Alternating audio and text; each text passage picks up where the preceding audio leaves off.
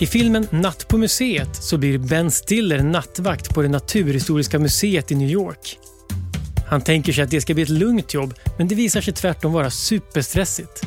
På nätterna blir nämligen museets utställningar levande och det är hans jobb att hålla ordning på allting. Det blir förstås kaos.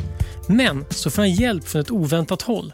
I foajén finns en vaxdocka som föreställer Theodore Roosevelt till häst och den blir också levande och kommer honom till hjälp för att samla ihop alla de här förrymda föremålen. Och Theodore Roosevelt, som i den här filmen spelas av Robin Williams, är en legendomsusad person i amerikansk historia. Mark Twain kallade honom för USAs populäraste person någonsin. Kopplingen till Naturhistoriska museet är att han som president vurmade för naturvård och grundade fem nationalparker, 13 nationalskogar, 16 fågelskyddsområden och han gjorde Grand Canyon till ett nationalmonument. Men han var också en cowboy, storviltjägare, författare, krigshjälte och nobelpristagare. Du lyssnar på Idéer som förändrar världen, en poddserie från Nobelprismuseet där jag, Gustav Källstrand, vill försöka förstå mer av de idéer och upptäckter som ligger bakom olika Nobelpris. Och idag ska vi alltså få lära känna den första presidenten som fick Nobelpriset. Få ämbeten i världen är så mytomspunna som det amerikanska presidentskapet och det har också innehafts av en hel del färgstarka personligheter, på gott och ont får man väl lov att säga. En av de mest spektakulära var Theodore Roosevelt. Han var president 1901 till 1909 och han fick fredspriset 1906 för att ha mäklat fred i det rysk-japanska kriget. Och idag har vi med oss Dag Blank, professor i Nordamerikastudier, för att berätta mer om Roosevelt och hans tid. Välkommen! Tack så mycket. Tänkte en sak som vi kan liksom reda ut tidigt är att Roosevelt var ju republikan. Men det vi idag menar med republikaner och demokrater. Det var inte samma sak år 1900 som det är nu. Nej, det är helt riktigt. Det republikanska partiet grundades på 1850-talet och eh, som en reaktion, som en konsekvens av en av de största tvistefrågorna i amerikansk historia, nämligen slaverifrågan. Och grundades som ett parti som var motståndare mot slaveriet. Och eh, Abraham Lincoln blev dess främsta banerförare tidigt och eh, det var ju genom amerikanska inbördeskriget som slaveriet till slut avskaffades i USA och republikanerna stod där för en sorts radikal, i alla fall delvis radikal hållning när det gällde synen på slaveriet och synen på de svartas rättigheter. Medan demokraterna stod för en mycket mer konservativ inställning och under lång tid efter det amerikanska inbördeskriget så dominerade det demokratiska partiet den amerikanska södern där segregationen återinfördes mm. säga, eh, när slaveriet var medan republikanerna stod för mera progressiva eh, åsikter, inte minst i rasfrågan. Den stora förändringen kommer med eh, en annan Roosevelt, demokraten Franklin Roosevelt som väl som president 1932 eh, under depressionen och där det är en mycket viktig vändpunkt i amerikansk historia, det, det valet. Och då sker en omvälvning och då, efter det blir republikanerna allt mer konservativa medan demokraterna eh, drar mer åt vänster och till den situation som vi känner idag. Men då, då vet man, då kan man tänka att nu när Roosevelt och hans parti som var republikaner, då är det alltså ett ganska progressivt parti helt enkelt. Det blev åtminstone det under hans ledning. Mm. Extra progressivt kan man säga. Mm. Dag Blank är professor i Nordamerikastudier vid Uppsala universitet och föreståndare för Swenson Swedish Immigration Research Center vid Augustana College i Rock Island, Illinois. Han har skrivit flera böcker om svensk-amerikansk migration och den svenska Amerikabilden. Dag är också med i bloggen och podden Amerikaanalys som ges ut av Uppsala universitet och Högskolan i Halmstad. En utmärkt podd för den som vill ha djuplodande och kunniga diskussioner om vad som händer i USA. Ja, men då kan vi börja med, med Roosevelt. Han blev president 1901. Vem var Roosevelt eh, då? Han är en mycket fascinerande person. Precis som du sa inledningsvis så är han en av de populäraste presidenterna i USA och en som det talas mycket om och skrivs mycket om och hänvisas till fortfarande. Han var som man kan säga på engelska larger than life. Mm. Han var en paradoxal person. En kombination av eh, vildmarksmänniska, militär, naturvårdare, intellektuell, slug politiker. Allt detta sammanföll i Roosevelt. Han växte upp i societetskretsar i New York. Hans far var miljonär och var mycket inblandad i de olika museerna i New York, bland annat Metropolitan Museum of Art. Han var sjuklig som barn, han hade astma. Men eh, vid 12 års ålder började han träna för att överkomma sin fysiska svaghet. En enorm viljestyrka och sen blev väldigt eh, maskulin, alltså de här jakterna som han beger sig på och så vidare. Han är en symbol för en sorts amerikansk maskulinitet också. Så en mycket komplex person. Mm. Hur kom det sig att han blev politiker? Var det en eh, vanlig karriärväg för någon från hans bakgrund?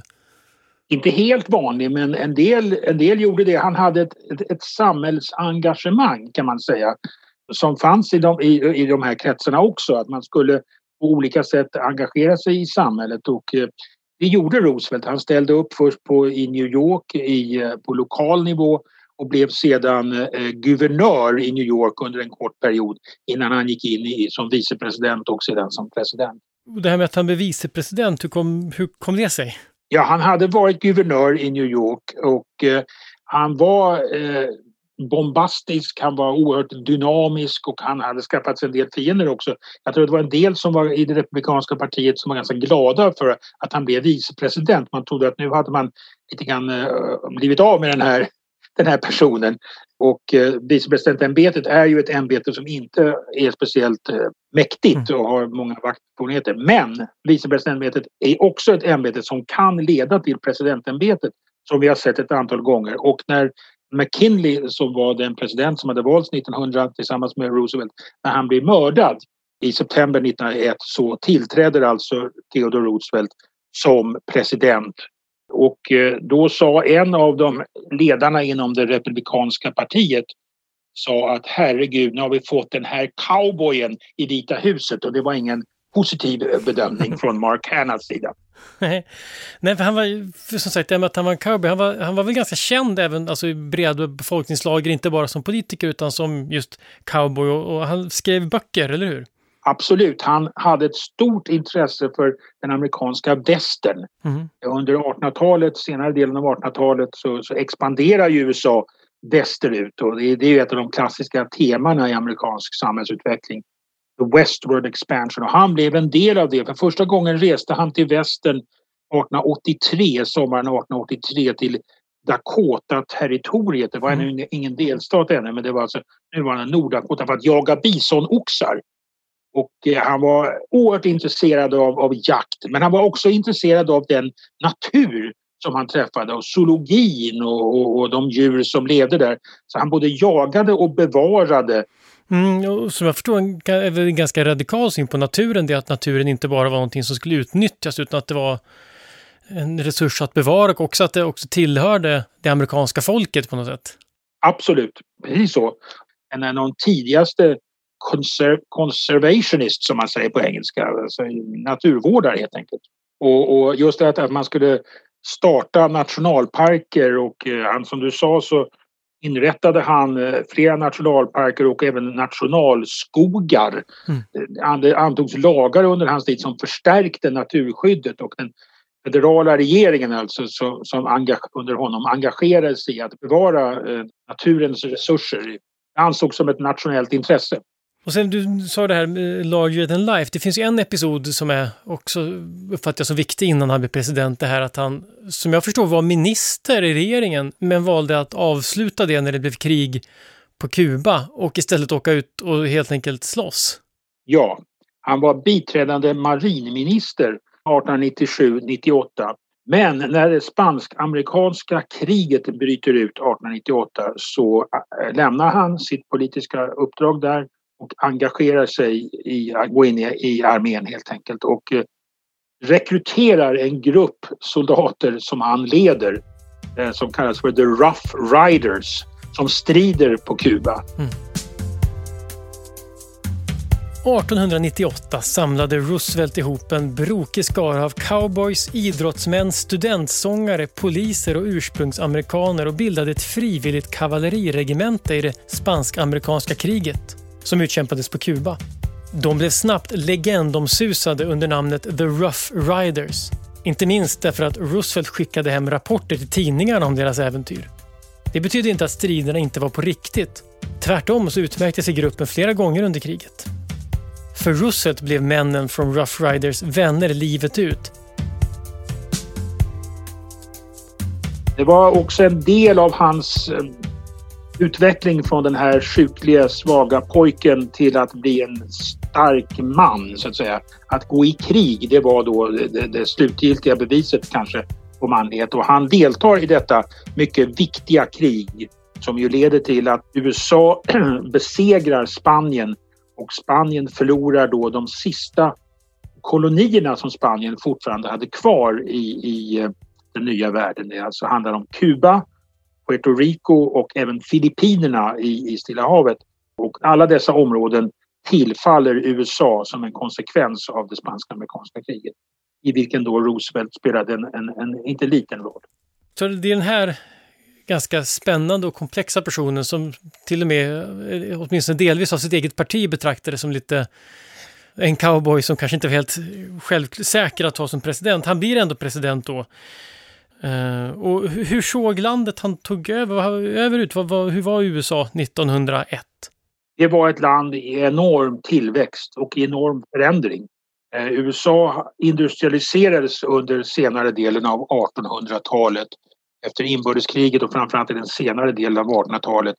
En snabb och stark industrialisering, en stor urbanisering och en betydande invandring. USA blev ett rikt land på det sättet och, och eh, de stora industrier växte fram, starka industrier växte fram i USA. Samtidigt som den här snabba ekonomiska expansionen skedde så ökade också klyftorna i USA. Fattigdom och slum präglade landet samtidigt som jättestora företag växte till, stora konglomerat, stora monopol och de här spänningarna mellan eh, arbete och kapital blev väldigt tydliga. Arbetare börjar organisera sig, ett socialistparti skapas, protester, strejker och eh, populistiska politiska organisationer framträder som kräver olika typer av reformer. Den börjar faktiskt i jordbruksområdena. Det är jordbrukarna som är, är, organiserar sig och protesterar mot de stora järnvägsbolagen Eh, som då var viktiga för att de skulle kunna skicka sina grödor till marknaden. Som regler, de, de krävde reglering av dem. De ansåg att de eh, använde sin monopolliknande situation, missbrukade den. Och den får en väldigt stark rörelse.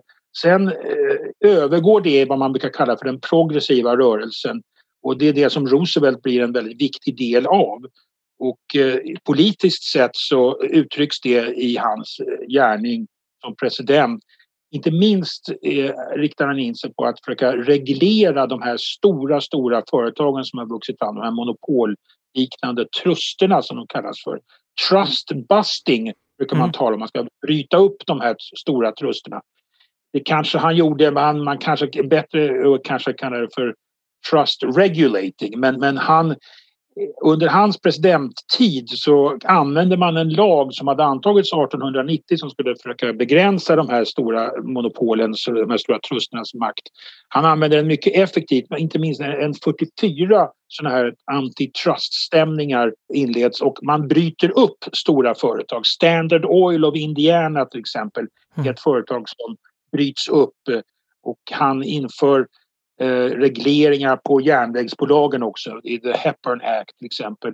Försöka reglera priserna som järnvägsbolagen kan ta ut. Han har, det antas också lagar som reglerar eh, livsmedelsförhållanden. The Pure Food and Drug Act och The Meat Inspection Act. Så det är en, en lång rad lagar där man använder den federala regeringen för att försöka komma åt de stora klyftorna och eh, orättvisorna som hade uppstått i USA. Och det viktiga här är också att det är den federala regeringen som ges den rollen.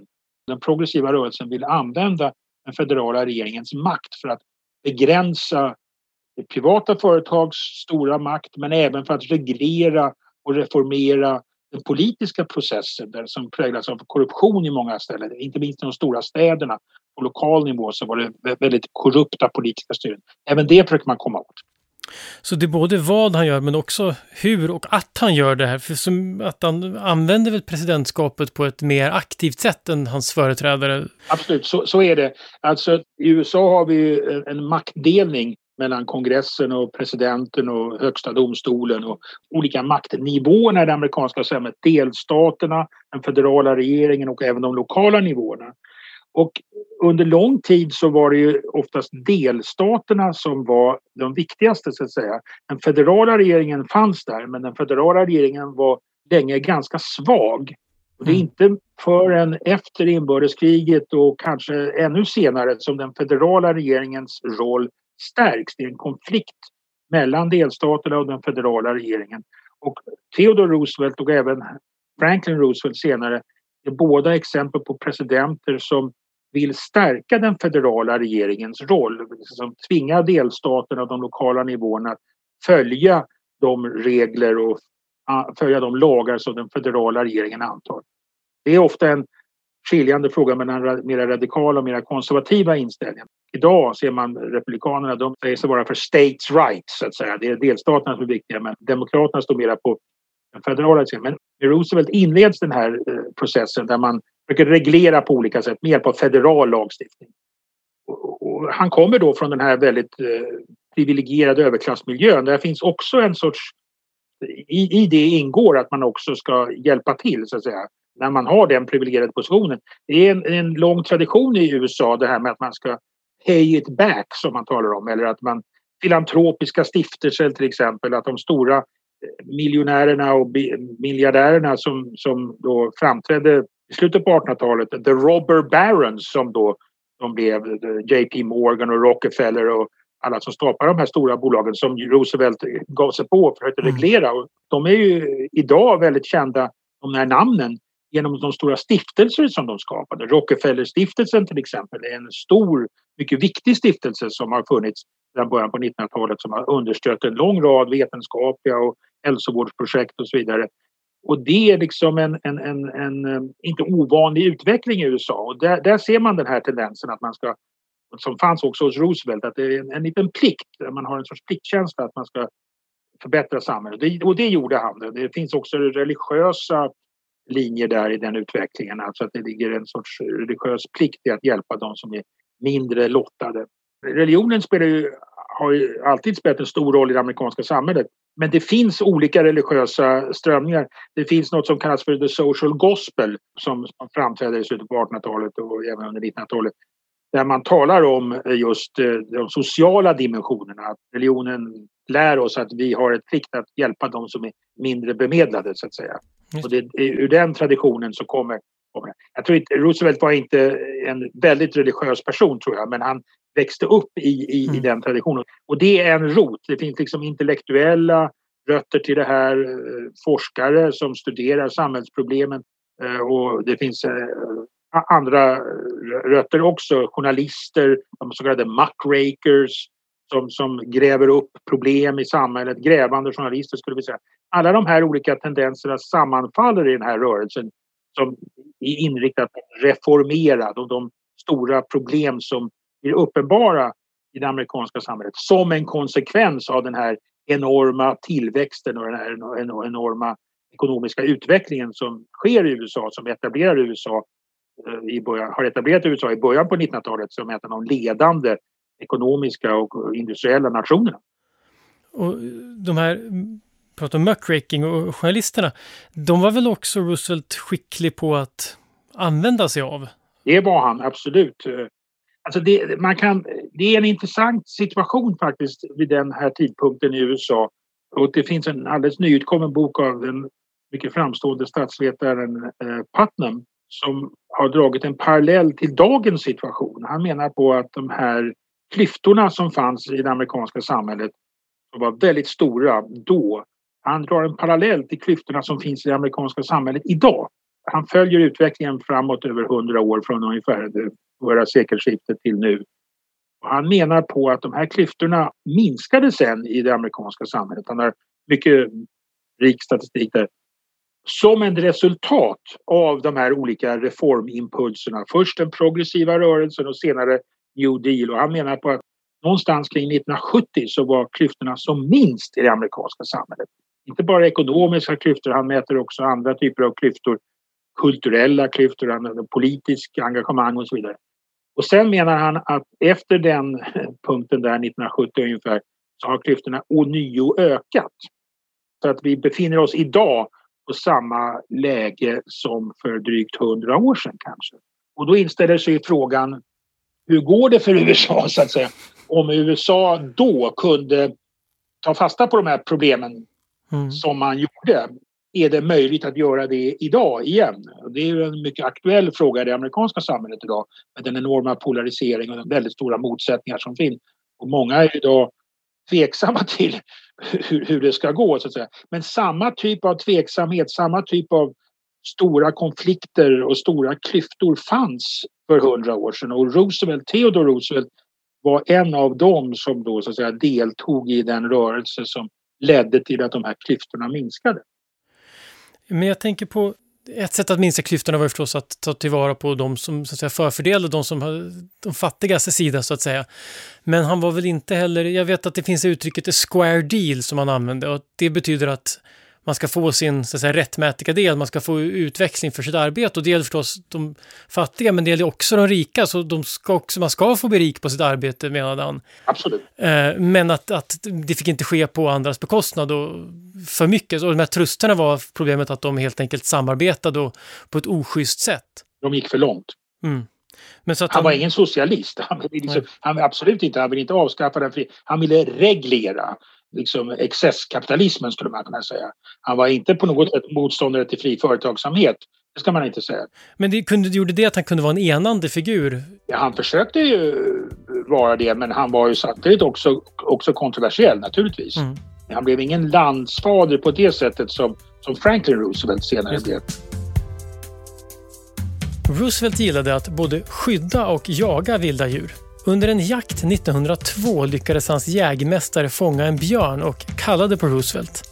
Men när han fick se björnen fångad så ville han inte skjuta den. Och Det här spreds ut i nyheterna och lyftes fram som ett exempel på hans moral och sportslighet. Strax därpå började karikatyrtecknare rita av Roosevelt med björnen som en symbol för hans öppna och progressiva inställning till samhällets svaga. Och den här björnen i bilderna blev allt gulligare ju mer tiden gick. När den legendariska leksaksaffären FAO Schwartz vintern 1902 började importera gosedjursbjörnar från det tyska företaget Steiff så kom de därför att kallas just teddybjörnar. Så på så sätt är Roosevelt fortfarande känd långt utanför USAs gränser. Han blev omvald 1904 och då med, med god marginal, då var han mycket populär. Och eh, sedan så 1908 ville han inte bli omvald. Då det fanns ingen begränsning på hur många perioder man kunde sitta men kutymen var att man satt två perioder. Och då eh, följdes han av sin, sin favorit. Han var nästan utpekad e-, efterträdare, William Taft. Men han bröt snabbt med honom eftersom Taft inte gick på Roosevelts linje i alla lägen. Taft var för konservativ skulle man kunna säga för, för Roosevelts smak. Och därför kom Roosevelt tillbaka och ställde upp i valet 1912. Med inte så lyckat resultat? Nej, då sökte han nomineringen i det republikanska partiet men fick inte den. Och då beställde han sig för att ställa upp som tredje partikandidat. Alltså skapa sitt eget parti. Uh, och det som kommer att kallas för bullmoose. Han var som en, som en en älg som rumsterade fram där. Det blev, det blev smeknamnet på detta parti. Och eh, mm. det gjorde, han fick en hel del röster, han fick en del elektorsröster men det gjorde att egentligen så splittrades den republikanska rösterna och det gjorde att eh, han underlättade för Demokraternas kandidat Woodrow Wilson att bli vald till president 1912. Så Roosevelt blev på det sättet en spoiler skulle man kunna säga där.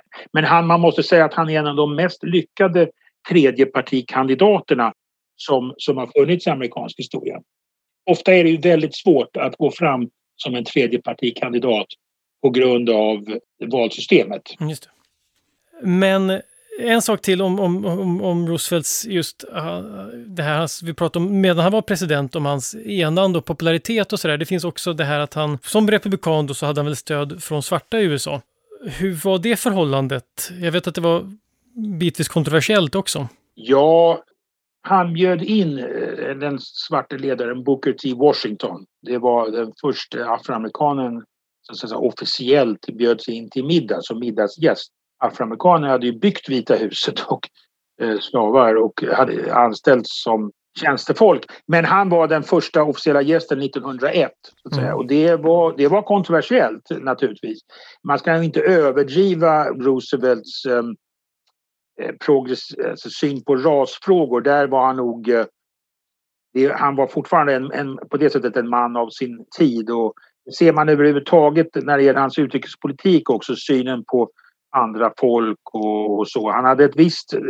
Det faktum att han kunde bli medlare i det rysk-japanska kriget eh, hade att göra med en, han hade nog en förståelse för Asien. Han hade en insikt om att Asien var ett viktigt område, inte minst för USA. Så han var intresserad av Asien på det sättet. Han förstod att Japan var ett, ett viktigt land. Som, och då kommer vi komma ihåg att Filippinerna tillhörde USA vid den här tidpunkten efter spanska-amerikanska kriget.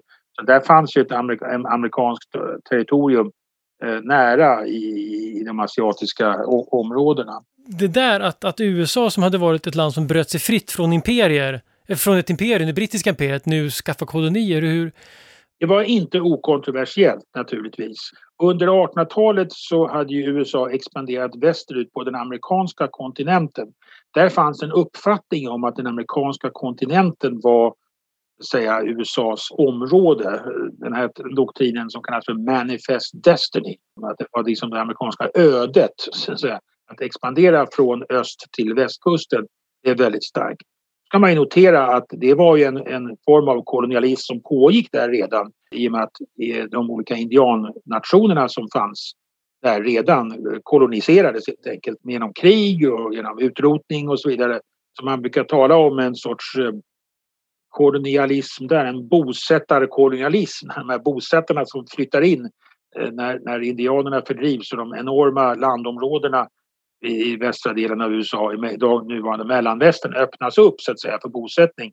Så man kan säga att Karl Oskar och Kristina och de svenska immigranterna i Minnesota och Illinois och mm. Iowa och så vidare, de eh, kunde bosätta sig där på grund av att indianerna hade fördrivits. Så de var en del av en sorts kolonialistisk rörelse.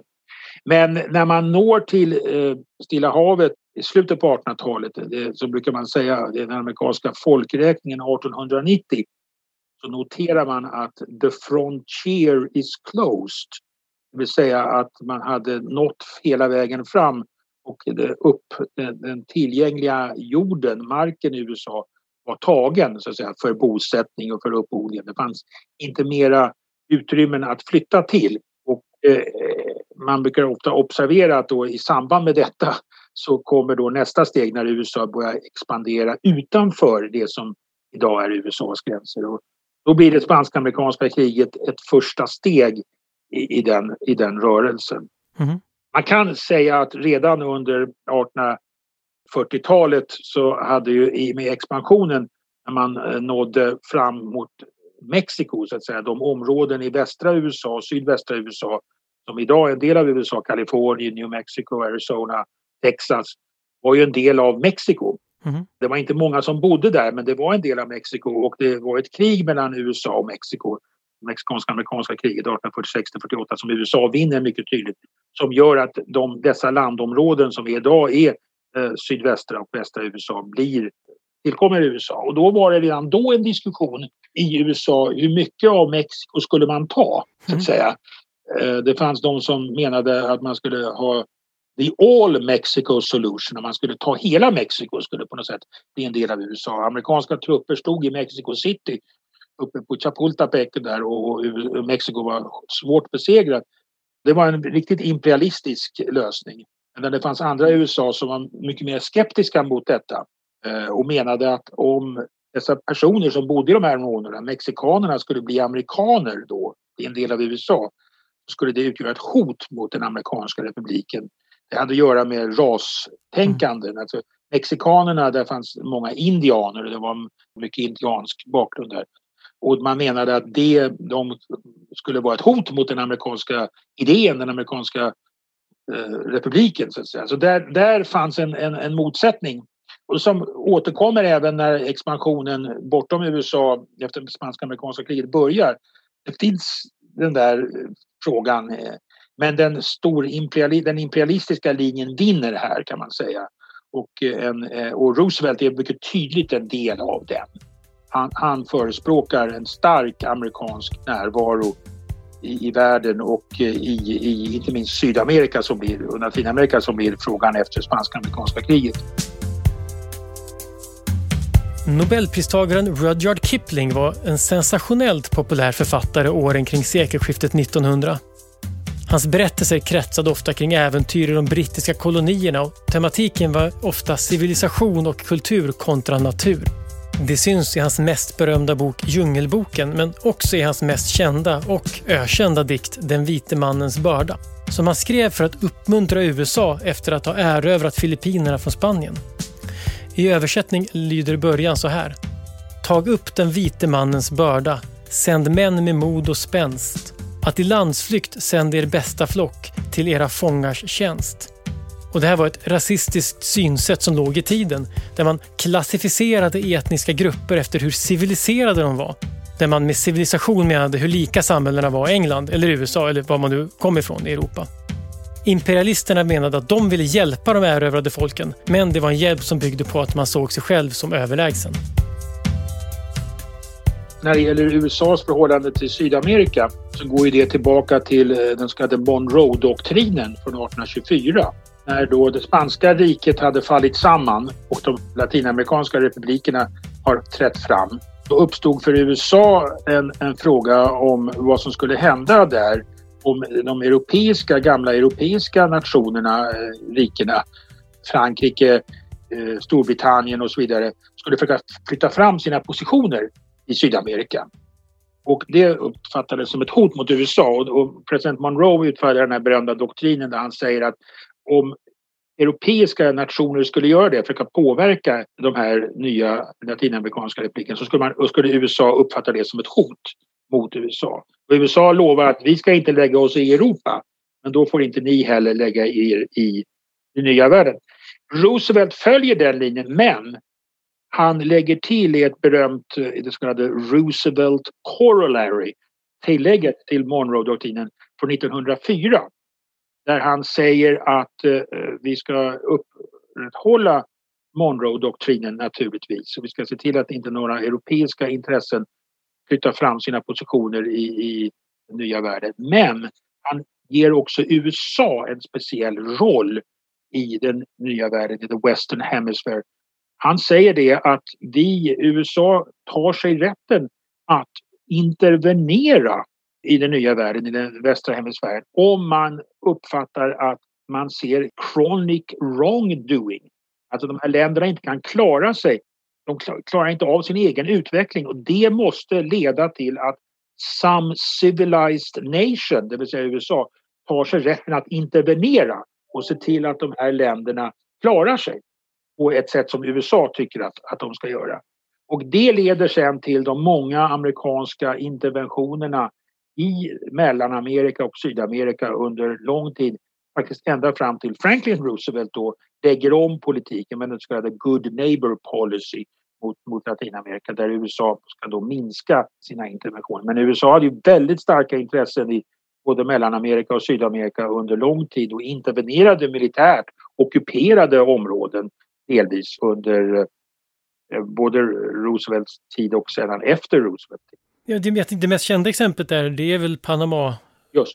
Panamakanalen var ju oerhört strategisk för USA för transporter mellan östra och västra USA. Innan Panamakanalen kom till, fartygen var ju tvungna att gå runt eh, hela Sydamerika och Eldslandet och sen komma upp på den amerikanska västkusten. Allt kunde inte gå på järnväg. Att den här idén om att bygga en kanal Eh, någonstans i Mellanamerika, den, var, den hade pågått länge och man bestämde sig för att där, i, där Panamakanalen går idag, var det den bästa platsen så att säga. Och eh, då skapades ett nytt land. USA uppmuntrade till en, eller skapade en revolution i Panama eh, där Panama bröt sig loss från Colombia. Som, det var Colombia som tidigare ägde detta område. Och USA omedelbart erkände eh, denna nya nation och så kunde kanalen byggas och USA fick sedan eh, väldigt stark ställning i Panama helt enkelt. Det dominerade Panama och eh, kanalen arrenderades ut till USA på hundra år. Numera har den återgått i panamanisk eh, kontroll men USA har fortfarande starka intressen där. Mm. Militärbaser finns i Panama för att vakta Panamakanalen. Ja, men man förstår ju tydligt, alltså allt det vi pratar om nu är ju mycket saker som har gett resonerat genom århundradet. Man ser ju under 1900-talet, många av de här sakerna har, har märkts. Mm. Och jag tänker att då är det ändå i det här läget så, som då eh, Roosevelt är med och medlar i det här rysk-japanska kriget. Varför var en amerikansk president intresserad av att medla där? Ja, delvis så hade han ju en, han var ju väldigt välkänd och han, han, han var en, en, en, internationell spelare så att säga. Mm. Men det var också en insikt som Roosevelt hade om betydelsen av Asien och Stilla havet. Traditionellt hade mycket amerikansk orientering gått mot Europa.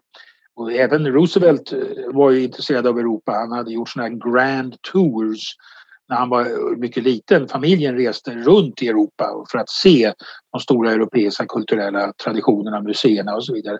Men han hade en förståelse för världen bortom USA också.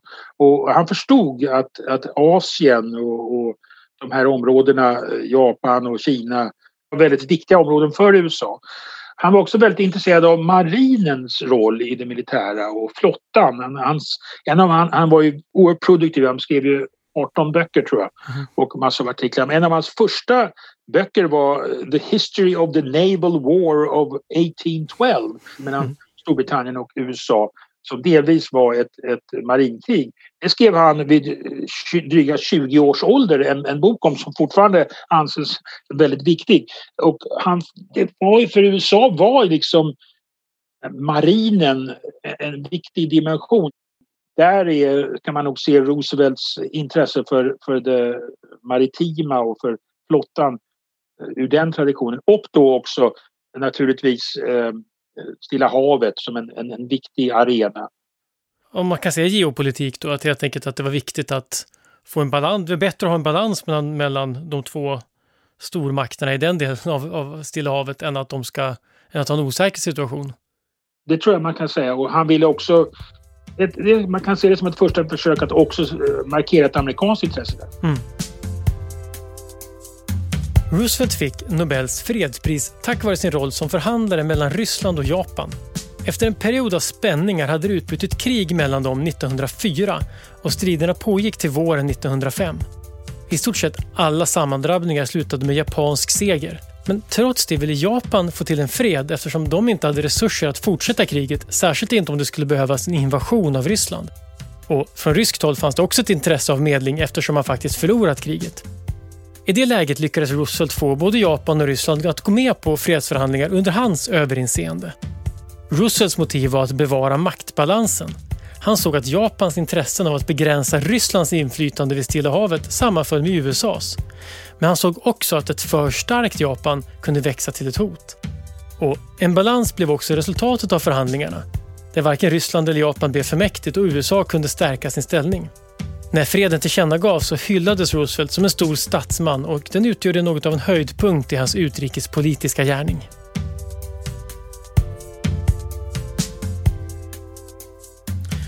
Ja, för i övrigt, man, man, man, kanske inte ska tolka det först och främst som att han fick fredspriset för att han var en fredsälskande diplomat, utan det, han verkar vara ganska hård för realpolitisk utrikespolitiker.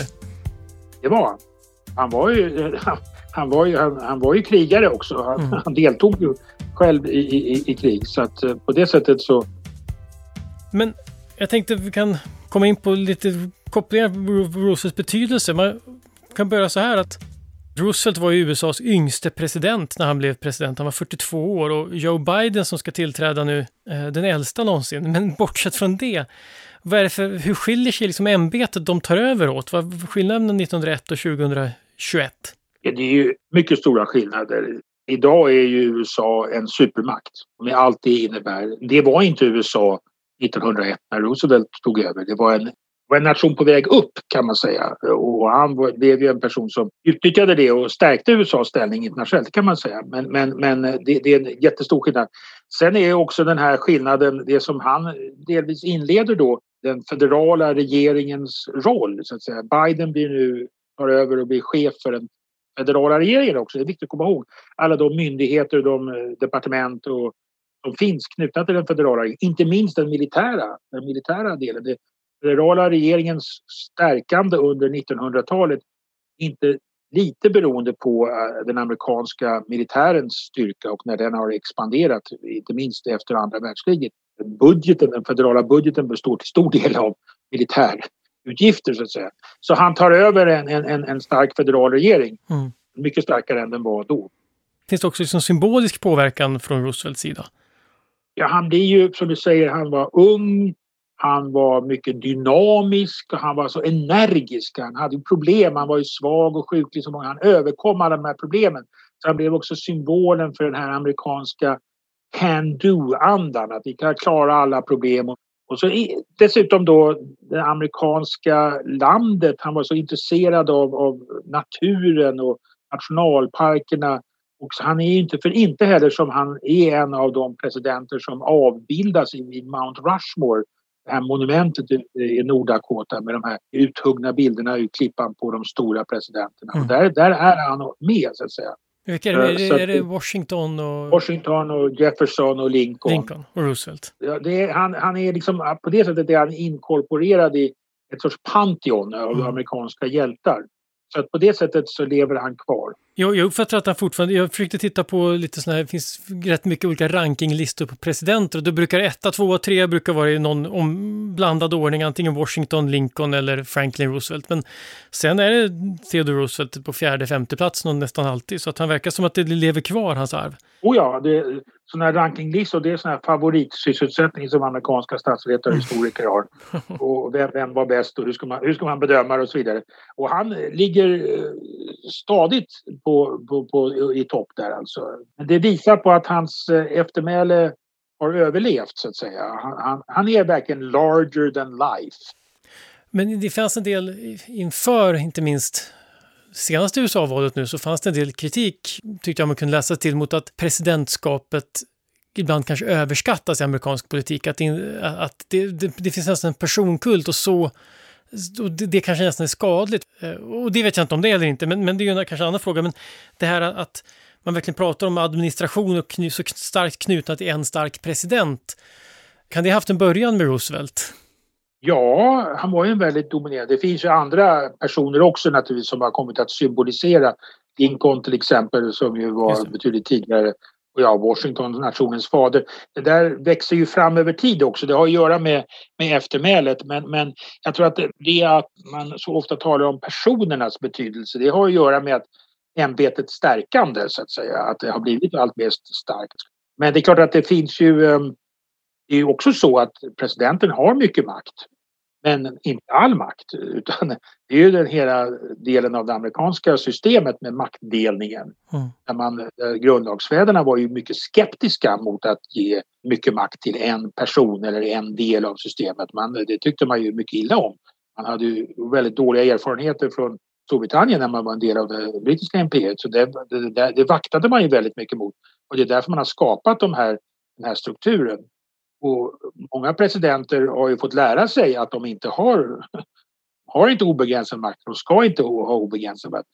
Eh, Donald Trump, eh, han tror jag blev kanske delvis förvånad över att han inte hade så mycket makt eftersom han var en icke-politiker från början. Han hade ju inte varit del av, vuxit upp som en politiker och för Trump var det nog delvis en överraskning att han inte kunde göra som han ville ibland utan att domstolarna stoppade honom till exempel och så.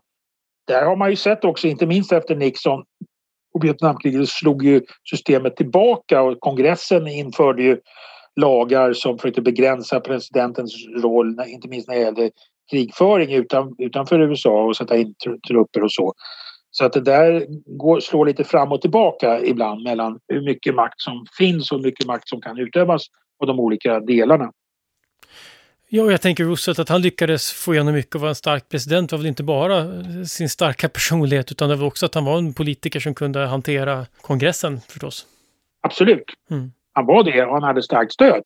Eh, han är en exponent för den här reformimpuls, de här reformimpulserna som växte fram där i början på 1900-talet och som, som, som spelar väldigt stor roll som ja, Putnam i den här senaste boken pekar på som en faktor som bidrog till att eh, faktiskt minska de här spänningarna i det amerikanska samhället, minska de här klyftorna i det amerikanska samhället. Det går att göra det.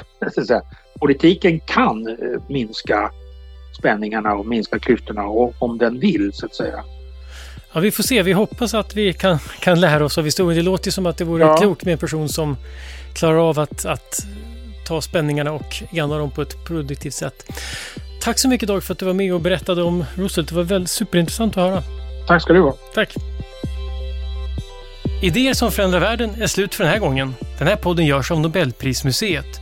Vi finns på Stortorget i Gamla stan. Info om utställningar och öppettider finns på museets hemsida nobelprismuseum.se. Du kan förstås också följa oss på Facebook och Instagram. Och vill du veta mer om Nobelpristagarna och deras arbete så gå gärna till Nobelprisets hemsida nobelprice.org. Och ett stort tack till Nobelprismuseets huvudpartners Nibe Group och EF Education First som möjliggör Nobelprismuseets verksamhet. Vi är snart tillbaka med nya intressanta samtal. Jag heter Gustav Källstrand.